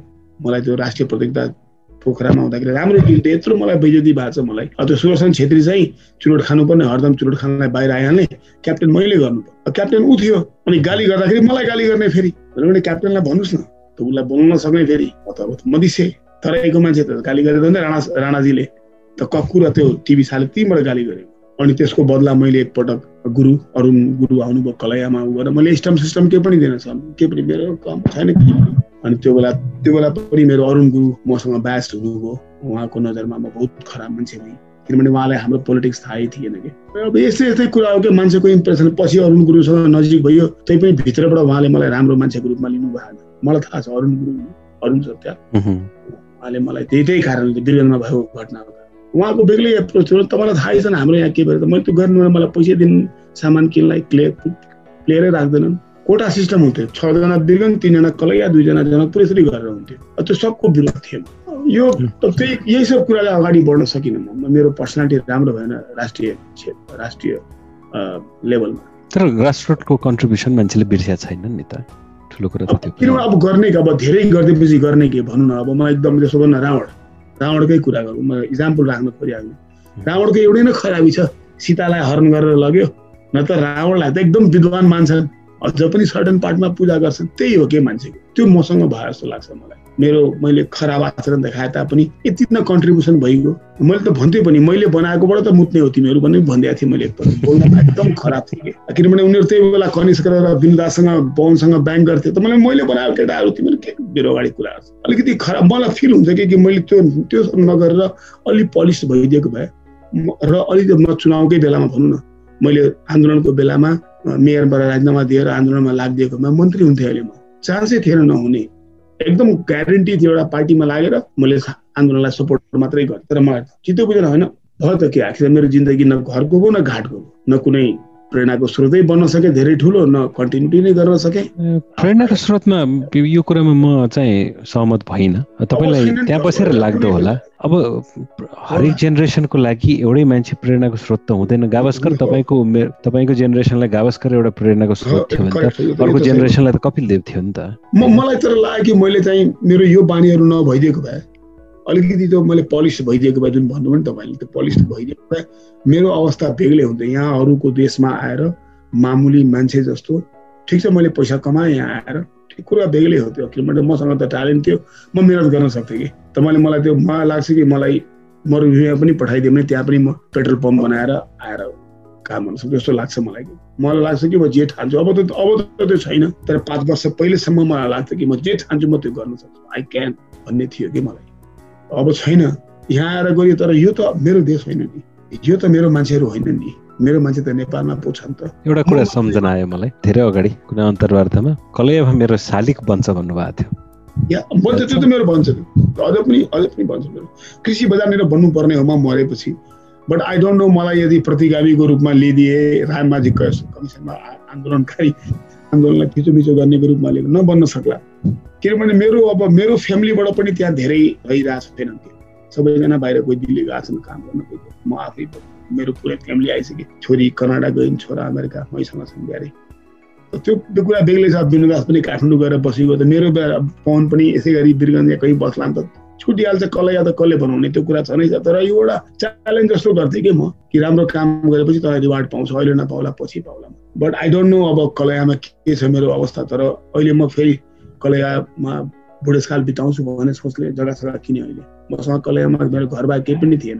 अहिले मैले जग्गा किने पन्ध्र बिस कट्ठा जति र मैले कलैयामा ठुलै एउटा सोच बनाएको छु एउटा क्रिकेटको एउटा पार्क जस्तो बनाएर क्रिकेटको एउटा सानो सङ्ग्रहालय म्युजियम बनाउने भनेर सोच बनाएको छु मैले।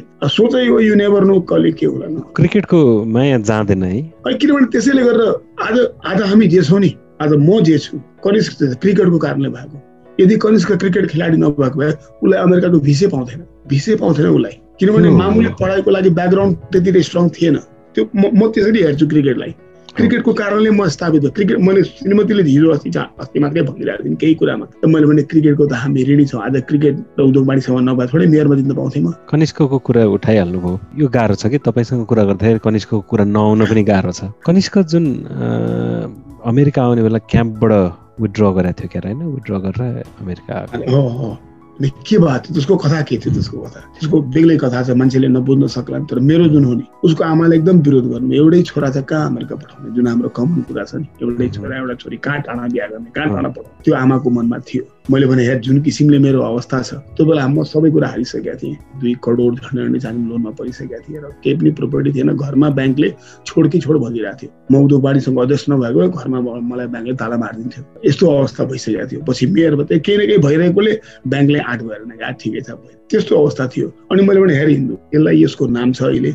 यसलाई भिसा पाइहाल्छ अमेरिका यो एउटा मान्छे बाहिर फ्यामिलीबाट निस्क्यो भने सबैको दिन फेरिहाल्छ। यसको यहाँ केही हुनेवाला पनि छैन। अब सिनियरमा गएपछि त्यति राम्रो हुँदैन। होइन जब खाने हो पचास हजार भाउला के भयो? अनि यसकारण यसलाई पठाउँ विदेश। ट्राई गरौँ न के भएको त्यो बेला मलाई पैसा थिएन उसलाई दिनलाई। उसलाई उसलाई त्यो भिसा सिसाको पैसा दिनलाई पनि थिएन। मैले मेरो पार्टनरसँग मागेर त्यो बेलासम्म मेरो व्यवसाय खुस्किस खस्किसकेको थियो। पार्टनरसँग मागेर अरू साथीभाइसँग मागेर अढाई लाख रुपियाँ पुऱ्याएर उसको काम गरेको थियो त्यसकारण उसलाई पठाएको अब क्रिकेट छोड्यो अब यो लास्ट हो यो नाइन्टिनमा अब यो पछि गुरुनाथ हुन्छ सिनियरको क्रिकेट राम्रो थिएन त्यो बेला कम्पिटेटिभ थिएन त्यति बेनिफिट पनि आएको थिएन। गरेर पठाएको उसलाई इन्टेन्सनली पर्पसली पठाएको। उसको उसको उसको त केही उसलाई थिएन जहाँ पठाएर बुवाले भने अहिले पनि बुवाले जे भने त्यही हुन्छ भन्छ कि अहिले। यो एउटा चाहिँ राम्रो गुण छ। छोरी चाहिँ छैन। छोरी मैले भने आज सूर्य पूर्वबाट उदायो भनेपछि होइन पश्चिमबाट उदाएको छ आँखा उदाएर हेर्नु न। छोरीको आधी गुण मेरो छोरीले मेरो ल्याएको छ। एकदमै एग्रेसिभ हुने तुरन्तै बोलिहाल्ने वास्तै नगर्ने। भयो म त सही कुरा गर्छु खराब होस् त होस्। भर्खरै भन्नुभयो न त जे दियो क्रिकेटले दियो। क्रिकेटले दिएको खुसीको कुरा गरौँ न सबैभन्दा ठुलो खुसी के दियो? दिनु दासले नाम लिइदिन्छ कहिले काहीँ दिनु दास ठुलो अहिले पर्सनालिटी हो नेपालको लागि स्पोर्ट्समा ठुलो पर्सनालिटी मध्ये र उसले नाम लिएपछि खुसी लाग्छ उसले। पहिले उसले पनि लिँदैन आजकल तिन चार वर्षदेखि पाँच वर्षदेखि उसले पनि उसलाई पनि फिल भयो क्या होइन यही मान्छे हो सुरुमा हालाकि मैले उसलाई उ गरेन उसलाई बोलाएर लगाएको अर्कै केटा हो क्लबमा तर उसँग अब ट्यालेन्ट थियो र ऊ सुन्ने के he is a good list he was a good listener अनि त्यसले त्यसले भन्दाखेरि म जस्तो मान्छे अलिकति नेतागिरी झाड्नु पर्ने त्यसलाई सुन्ने मान्छे पाइदियो के चाहियो? पवनले सुन्थेन त्यति। पवन चाहिँ विद्रोह गर्थ्यो ठिक छैन कुरा बेकारी यसकारण त्यो खुसी लाग्छ कि मेरो पछाडि दिनदासले नाम लिन्छन् अनि अर्को खुसी लाग्छ कनिष्क सफल भयो क्रिकेटको कारणले। क्रिकेटकै कारणले यहाँ आयो क्रिकेटकै कारणले माहौल बन्यो क्रिकेटकै कारणले उसलाई आयोवाबाट बोलाएर लस एन्जलसमा बस्न लगायो यो फ्याक्टर छन्। क्रिकेटको कारणले विकास दलीको पर्सनालिटी राम्रो। सञ्जम त लाटो थियो। सञ्जम त क्रिकेट नखेलेको भए अहिले त्यो एबनर्मल टाइपको हुन्थ्यो। उसको बुवासँग सोध्नु होला नि। अब क्रिकेट कारणले स्मार्ट भयो। होइन? तर अब अलिकति अब स्मार्ट भयो अलिकति चम्बु जस्तो भयो। अलिकति खोइ किन सफल भएन किन म आइसकेँ कि त्यो तिनीहरू जब टपमा थिए हुन थालेको थियो म त्यो बेला आइसकेको थिएँ अमेरिका त। मेरो डाइरेक्ट इम्प्याक्ट भएन।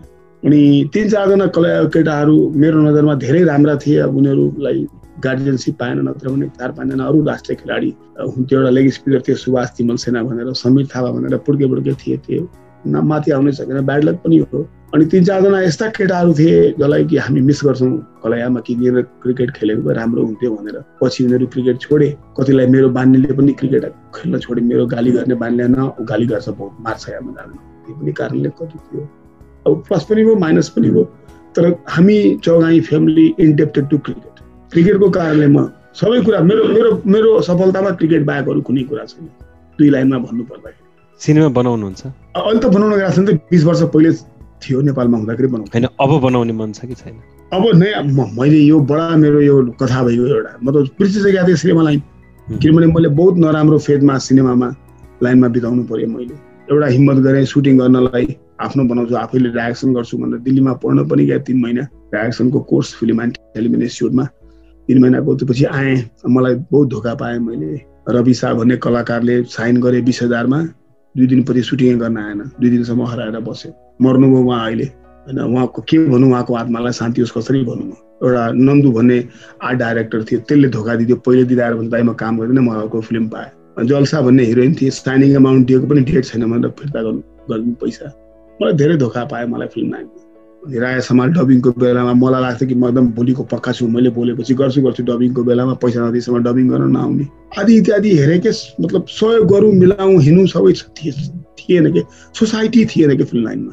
अनि मलाई ठिक लागेन मलाई। अनि मैले एक दिन नमस्ते गरेँ थोरै फिल्म लाइन। सफल पनि भएन ठुल्ठुलो कुरा गर्थेँ। अब ठुल्ठुलो कुरा गर्ने मान्छे फेल भएपछि बाँच्न गाह्रो भइहाल्छ। याद होला अशोक शर्मा र मेरो बिचमा बारम्बार अन्तर्वार्ता भइरहन्थ्यो हिन्दी फिल्म त नेपाली फिल्म त यो हो होइन? म ठुल्ठुलो कुरा गर्थेँ र म नेपाली सिनेमामा म एउटा आफूले बनाएको हो कि अरूले पनि भन्छन् सायद नेपाली फिल्मको सही तरिकाले डिस्ट्रिब्युसन गर्ने तरिका सिकाएकै मैले हो।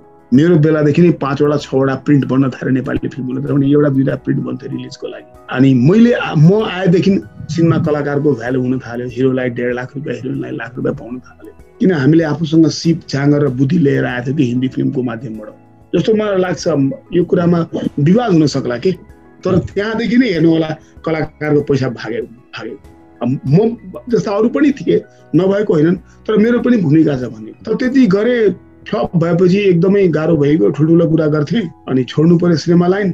छोडेर अनि अमेरिका आउनु पऱ्यो किनभने पोलिटिक्समा पनि सफल भएन। पोलिटिक्स त म मान्थिनँ त्यसलाई। बहिष्कार गरिदिएँ अनि गएर अमेरिका आयो अमेरिका आएपछि स्ट्रगल गरियो। गरेपछि अब अहिले मेरो स्ट्रगल गर्ने क्रममा दुई हजार तेह्रमा मलाई स्टर्न हार्ट एट्याक भयो मेरो। हार्ट एट्याक भएको बेलामा घरमा कोही पनि थिएन। कनिष्कमा मात्रै थियौँ। श्रीमती मेरो नेपालमै थिइन्। हार्ट एट्याक भएपछि पेन हुन थाल्यो एकदमै। मलाई ध्यान भएन अनि मैले अलिकति ग्यासको केही होला ग्यासको प्रब्लम होला भनेर ग्यासको दबाई खाएँ। फेरि बिहान एक बजीदेखि पेन हुन थाल्यो। अब मैले अब त गाह्रो भनेर म ड्राइभ गरेर पुग्यो हस्पिटलमा भर्ना गरेँ चार दिनसम्म राखेँ। शनिबार आइतबार परेको थियो। भने कि तँलाई हार्ट हार्ट आएको आएको थियो त बची गइस् त आफै ड्राइभ गरेर जानुभयो? आफै ड्राइभ डायबिटिज थियो मलाई। डायबि यहाँ आउने बित्तिकै डायबिटिज भयो। नेपालमा केही पनि थिएन मलाई। डायबिटिज भयो दुई हजार नौदेखि अनि तेह्रमा स्ट्यान्ड हाल्यो अनि अहिले आएर फेरि पेन हुन थाल्यो गएको त। राइट ह्यान्ड साइडमा हन्ड्रेड पर्सेन्ट ब्लकेज छ भन्यो एनजिओग्राम गर्ने मान्छेले इमिडिएटली जा डक्टरका सम्पर्क गरेर इमिडिएटली तँलाई तर बाध्य नस् नत्र भने भनेर भन्यो म तर्सेर फोन गर्ने डक्टरले फोन दिने पछि पन्ध्र दिन पछि दिए भने हन्ड्रेड पर्सेन्ट ब्लक छ जबसम्म बाँच्छ बाँच्छ जुन दिन तँलाई गाह्रो हुन्छ त्यो दिन bypass surgery open heart surgery गरिएला भने म त एकदम डराउँछु त्यो दिनदेखि अनि त्यहाँ पछि मैले चाहिँ मेरो सिक्सटी बर्थडे आयो। अनि भने कहाँ जाने सिक्सटी बर्थडे मनाउनलाई सिक्सटी भनेको त अब ठुलै अब त्यहाँ एउटा मुकामसम्म जस्तो सिक्सटी पछि बुढेसकाल भनेर अनि अनि मैले सोचेँ ल केही गरौँ न त ताकि मान्छेलाई याद रहोस् होस् हुन्छ यो मेरो आखिरी होस् भनेर। म बाँच्दिनँ भन्ने मलाई लागिसकेको थियो। कुनै बेला पनि म अहिले पनि कुनै बेला पनि मर्न सक्छु कि हार्टको प्रब्लमवाला थाहा हुन्न कि। त्यो भनेर मैले चाहिँ ल एउटा केही गरौँ भनेर मैले जोकरको भूमिका मैले भिडियो पनि पठाएँ मेरो च्यानलमा होला जोकर भनेर मैले हाँसो क्रिएट गरेँ। डान्स पनि गरेँ। डान्समा भने छोरीले बुवा तपाईँ कसरी बाह्र मिनट डान्स गर्न सक्नुहुन्छ यो उमेरमा? मैले पनि होइन म मिलाउँछु नि चिटिङ गर्छु नि बिच बिचमा स्लो गाना हालिदिएँ। बिचमा धेरै कडा गानाहरू सुरुमा ल्याएको थिएँ। हुनै सकेन एकदम भइहाल्ने। गरेर गरियो अनि गरेपछि त्यहाँ मान्छेले बहुत तारिफ गरे मान्छेले। अरे तसँग त भयङ्कर स्किल रहेछ यार त गर्नुपर्ने। अनि मान्छेले खोदियो है त फिल्ममा रहेछ भनेर। अनि गर्न अब मान्छे जिन्दगी त हो। अनि त्यहाँबाट सुरु भयो। त्यहाँबाट कोरोनाको भिडियो बनाइयो। त्यो एउटा मेरो कलयाको साथी हलिउडमा हुनुहुन्छ कलयाको साथीको छोरा। हलिउडमा हुनुहुन्छ चन्दन गुप्ता भन्ने ऊ चाहिँ ठुलै मुकाममा चाहिँ हिन्दी फिल्मको फोटोग्राफी गरेको। एबिसिडी टू थ्रीमा ऊ थ्री डी फोटोग्राफर थियो। रुद्रमती भन्ने फिल्म साउथ इन्डियाको ठुलो उसको मेन फोटोग्राफर अनि मैले उसलाई बोलाएको थिएँ बर्थडेमा आइज त्यो बेला ऊ सुटिङमा गएको थियो बेगस अनि पछि अङ्कल म गरिदिन्थेँ नि यहाँ त यहाँ मलाई पहिले भन्नै भएन यो त फोटो कलरै छैन लाइटै छैन अब त्यो मामुली अर्डिनरी तरिकाले खिच्यो। पछि त्यो राम्रो भएपछि अनि त्यसलाई एडिटिङ गर्न भसमा एडिटिङ गरेर सर्ट्सहरू लाएर बनाएर बनाएर त्यहाँबाट मलाई आई क्यान डु द्याट अनि त्यो ल केही गरौँ न त अनि अनि भिडियो अनि गर्ने क्रममा त यति सजिलो भइसकेको छ भिडियो बनाउन हे भगवान्। टेक्नोलोजी कस्तो सजिलो भएको घरमा बसेर एडिटिङ एकछिनमा एक घन्टामा फिल्म तयार अडियो चेन्ज गर्नु साउन्ड चेन्ज गरिदिनुहोस् आफ्नो बोली चेन्ज गरिदिनुहोस् बोलीलाई तिखो पार्नुहोस्। पहिले थिएन यो कुरा। हामीले काम गर्ने बेलामा त सोमेश रिलमा थियो। नेगेटिभ धुराउनु छ महिनामा आउँथ्यो धुवाएर नेगेटिभ बम्बे पठाउँथ्यौँ। अरुण मल्लजी हुनुहुन्थ्यो उहाँको स्टुडियो बम्बे पठाउँथ्यौँ। या कोही कोही हाम्रो एनएफडिसीमा गराउँथेँ पहिले। त्यस्तो बेलामा त यति गाह्रो हुन्थ्यो त्यो बेला। कसरी हाटे गर्न सकिनँ मैले। अहिले त केही रहेन छ बडा सजिलो छ। त अब चाहिँ केही गरौँला भनेर अलि अलिकति र यही गर्ने क्रममा अब लागिरहेछ कि सफल कहीँ भइगयो भने सफल भइगयो भने सुशील त उहीँ मान्दैन। हलिउडको फिल्म ठोकिहाल्छ एउटा। यो राम्रो कुरा सुनाउनु यो राम्रो कुरा सुनाउनु त्यो त मलाई थाहा छ। मलाई मेरो श्रीमतीले भन्दै थियो। एकजनाले भन्दै थियो सब कुरा बर्बाद गरेर नेपालबाट आउनुभयो अमेरिका। अब फेरि यहाँ पनि बर्बाद गर्नुहुन्छ। यदि म सफल भएँ भने जस्तो मैले यो बनाएँ भिडियो अहिले फर्स्ट भिडियो यो धेरै टेक्निकल कमीहरू छन्। आइफोनले खिचेको हो यो। अब यो इम्प्रुभ हुँदै जान्छ र मसँग मेटेरियल छ मसँग। अब यहाँको तर यहाँको जुन ट्रेन्ड छ यहाँको ट्रेन्ड के त science fiction horror war movies त्यो चाहिँ गाह्रो छ। हाम्रो जुन सोसल कुराहरू छन् अब अहिले नै एउटा स्टोरीमा म काम गरिरहेको छु। मलाई बहुत चित्त बुझ्यो। चारवटा फ्यामिली देखाएको छु मैले सोचिरहेको छु। एउटा नेपाली एउटा इन्डियन एउटा पाकिस्तानी एउटा स्पेनिस र एउटा वाइट ब्ल्याक पाँचवटा फ्यामिलीको पाँचवटा फ्यामिलीको आफ्नो घरको समस्या छ। सबैको जेनेरेसन ग्यापवाला समस्या छ। नेपालीको फ्यामिलीले भन्छ सोह्र वर्षको केटीले बुवा अब म लिभ इन रिलेसन बस्छु बाहिर तपाईँहरूको सोह्र वर्ष केटी नेपाली नेपालीको फ्यामिली बाउ सक लागिहाल्छ के भयो भनेर इन्डियन फ्यामिलीमा बाउले चालिस वर्ष पहिले इन्डियाबाट यहाँ आयो बहुत मेहनत गरे रात दिन मेहनत गरे हार्टको प्रब्लम डायबिटिज सब लिएर ग्यास स्टेसन बनायो एक सय पचासवटा ग्यास स्टेसन ठुल्ठुला प्रोपर्टी छ। छोरा चाहिँ म तेरो सम्पत्ति लिने र तेरो पो हो त। उसले चारवटा ट्रक राखेर बेग्लै ट्रकिङ कम्पनी चलाएको छोरी चाहिँ स्ट्रगल गरिरहेको छ लयरको रूपमा loss एन्जलसमा that's father property not mind अनि बुवाले भन्छ मैले कमाएको तेरो लागि मैले आफ्नो जवानी बर्बाद गरिदिएँ। मैले भनेको थिएँ घर बर्बाद भनेर तपाईँले आफ्नो मनले गर्नुभयो। छोराले भन्छ तैँले आफ्नो बुवाको कुरा मानिस तेरो बुवाले पन्जाबमा खेती गर भन्थ्यो त। खेती गर हामी किसानको छोरा हौँ। किन छोडेर बुवाको कुरा नमाएर रिस्क लिएर जेल तरेर मेक्सिकोबाट गएर जेल बसेर किन गरिस् त? हामीले भनेका थियौँ गर्नलाई हामीलाई हाम्रो लाइफ जिउन दिए इन्डियनको कथा। पाकिस्तानीको कथा। उसको छोरी स्पानिससँग बिहा गर्नेवाला छ यो रियल घटना हो मान्छे मारिदिया छ दुई तिनजना पाकिस्तानीको घटना दुई तिनजना आफ्नो छोरीलाई मारिदिया छ उनीहरूले। के कुरा मान्दैन बिहा गरे भनेर मर्नु भयो भने। स्पेनिसको फ्यामिली छ उसको बच्चा ग्याङमा लागिरहेको छ। यहाँ हातमा पुरा टापुरा सब बनाएर पुरा एकदम जिउभरि अब त्यसको त्यो प्रब्लम छ। यो त मेरो छोरा त कुन बेला मर्ने भयो थाहा छैन पुलिसको गोलीबाट अफ्रिकनको बच्चा छ ऊ के भइरहेको छ? I want to marry a man यो पाँचजनाको समस्या छ पाँचजनालाई एउटा भेकेसन प्याकेजमा एक ठाउँ क्रुजमा जम्मा हुन्छन्। या होटलमा रिसोर्टमा लान्छु या क्रुजमा लान्छु भनेर अनि सेयर गर्छन् आफ्नो प्रब्लम। यस्तो भइरहेछ। अनि त्यहाँ एउटा मोडरेटर क्रिएट हुन्छ जुन सेलिब्रिटी हुन्छ हिन्दी फिल्मको या इङ्ग्लिसको राखौँला त्यो हेरौँला के हुन्छ कस्तो हुन्छ। अनि उसले भन्छ यार पचास वर्ष पहिले खेती बिर्सित आजको दिनमा लेट देम लिभ उनीहरू जे भन्छ गर्न दे। यहाँ उनीहरूलाई त्यो प्रब्लम छ जुन तँलाई इन्डियामा र पाकिस्तानमा प्रब्लम थियो। यहाँको प्रब्लम बेग्लै छ। यहाँको प्रब्लम त आफ्नोको लडाइँ छ आफन्तको लडाइँ छ आफूमा कि आइएम देश त्यो लडाइँ छ त्यो लडाइँ लड्न दिनेहरूलाई दुःख हुन्छ हुँदै र उनीहरूलाई सपोर्ट चाहिँ गर। रिसाएर हात चाहिँ नछिक्दे। सपोर्ट चाहिँ गर। सल्लाह चाहिँ दे अर्डर चाहिँ नदे। यो मैले एउटा सोचेको छु मैले जुन जुनमा म पन्ध्र बिस इन्ट्रेस्टिङ इन्ट्रेस्टिङ छ दाइ। अब अन्त्यमा अन्तिम प्रश्न मेरो के भने अहिलेसम्म मैले जतिचोटि कुरा गरेँ पहिलाको कुरा कनिष्कलाई तपाईँले एनालिटिकली कुरा गर्नुहुन्थ्यो कनिष्कको यो मिलेन त्यो मिलेन यताउता यस्तो गरे भए हुन्थ्यो उस्तो गरे भए हुन्थ्यो। एउटा पिताको रूपमा क्रिकेट ग्रुम गर्ने गार्जियनको रूपमा होइन कि क्रिकेट कोचको रूपमा होइन एउटा पिताको रूपमा कनिष्कलाई कसरी मूल्याङ्कन गर्नुहुन्छ? अहिलेसम्मको उसको क्रिकेटलाई है। कनिष्कमा एउटा कुरा नेपालमा जुन मेरो दुर्दशा हेऱ्यो नि उसले ऊ त्यो बेला टपमा थियो त उसको मोटरसाइकल पाएको थियो पुरस्कारमा चार पाँचवटा बेचेर खाएको छु मैले त्यो मोटरसाइकल। त्यो अवस्था थियो। अनि उसलाई त्यो बहुतै सक लाग्यो उसलाई मलाई म तपाईँलाई कनिष्कको बारेमा संस्मरण भन्छु एउटा। बिरगन्ज गएको थियो आमासँग। आमा बहिनी र दाई सामान किन्न कनिष्क अनि मोजावालासँग अब के अरे पेडेस्ट्रियनमा सामान राखेर बेच्छन् त्यहाँ। अनि मेरो श्रीमतीले एउटा मोजा हेऱ्यो कति दाम? पन्ध्र रुपियाँ भन्यो। अनि मेरो श्रीमतीले झुटो अनि अर्कोमा गइन्। कति दाम? पन्ध्र रुपियाँ भन्यो। मेरो श्रीमतीले अर्कोलाई के भनिन्? त्यहाँ त दस रुपियाँमा दिइरहेछ कनिष्कले इमिट ठ्याक्क त्यहाँ भनिहाल्यो। आमा झुटो बोल्नु भएर उसले पनि त पन्ध्रै भनेको थियो। बाल सुलभ कनिष्क त्यस्तो थियो कि त्यति इमान्दारीको कुरा जस्तो मैले चाहिँ होइन इमान्दारी कुरा गर्नुपर्छ। यहाँ आएपछि मेरो दुर्दशा नेपालमा हेऱ्यो र यहाँ आएको जो स्ट्रगलले चेन्जै भयो कुरा उसलाई अहिले पैसा पाएको केही पनि चाहिँदैन त्यो एउटा चाहिँ राम्रो भनौँ कि खराब भनौँ अनि काममा यति मेहनत गर्छ यति मेहनत गर्छ नत्र भने हामी नेपालीलाई ट्रकिङमा इम्पोसिबल छ काम गर्नु। यहाँ ट्रकिङको न्यु इमिग्रेन्टमा पन्जाबीहरू सरदारहरू हो जस्तो गुजरातीहरूबाट हो त्यहाँभित्र छिर्नु नेपालीलाई बहुत गाह्रो छ तर गर्यो उसले। यो एउटा उसलाई उसलाई पनि जो लागेपछि जुन गर्नै पर्छ भन्ने त्यो एउटा चाहिँ प्लस देखेँ मैले। तर बेमान भएको छ पहिले भन्दा पहिले बहुत इमान्दार थियो पहिले। कनिष्कको क्रिकेटको बारेमा भन्नु न। एकदमै राम्रो खेलाडी हो थाहै छ सबैलाई होइन? तर मलाई त्यो अझ पनि राम्रो मलाई त्यो त्योभन्दा कहिलेकाहीँ उसको साथी ओपनर साथी विराट नगरको थियो या पारस खड्का राम्रो खेल्थ्यो मलाई लाग्थ्यो यसले राम्रो खेल्नुपर्छ। विनोद कलियाको केटाले राम्रो खेल्नुपर्छ। कलियाको केटा राम्रो खेलेर जित्नुपर्छ जस्तो मेरो थियो एउटा। त्यो अब त्यसलाई सङ्कीर्णता भनौँ कि के भनौँ त त्यो उसले पुरा गर्थ्यो यसकारण म माफी दिन्थेन विनोद दास र उसलाई। गाली गरेर जिते पनि जितेर आएर तिमीले धन्यवाद भन्थेन म। भए यहाँ गल्ती गरेछ त्यो गुड लक थियो त त्यो कारण थियो कि नो यो एउटा हुने याद छ नि तपाईँलाई हिटलर हिटलरको बेलामा जब लडाइँ लडाइँहरू हार्न थाले तब उसको सैनिकले भन्यो एउटाले के गर्ने यसपछि? राख्ने के गर्ने? Life is a battle we keep on fighting we lose this doesn't matter we have to go there that front अनि त्यो बिचरा मैले फिल्ममा हेरेको यो। त्यो भन्थ्यो कि जिन्दगी यही हो त खालि लडिरहेको परिवारसँग केही छैन। त्यो एउटा मन्त्र मेरोमा कहीँमा लाग्यो भने लागेपछि लागेको लागि गर्नुपर्छ। नो कम्प्रोमाइज नो रेस्ट भन्छ नि खरायो र कछुवाको रेसमा कछुवाले जित्छ भन्छ नि। म त्यो कुरामा विश्वास राख्दिनँ। आजको खरायो त्यति बेकुब छैन कि बाटोमा गएर सुत्छ। ठाउँमा पुगेर सुत्ने हो। त्यही भनाइ मेरो। काम सकिया अनि सुत रमाइलो गर जे गर धेरै साथीहरूको नाउँ लिएँ अनि मेरो कन्टेम्पोरेरी पनि आउने केटाहरू पनि पवनको पनि विनोदको पनि सबैको नाउँ लिएँ तर मेरो भनाइ के छ? मैले मनको भावना राखेको बिना कुनै स्वार्थले यस कारण गल्ती केही बोलेको छु भने मेरो भावना हो त्यो। म पनि मान्छे हो फेरि। गल्ती गर्ने मेरो पनि अधिकार छ। म माफी माफी माग्छु कुनै कुराले मेरो चित दुख्या छ भने।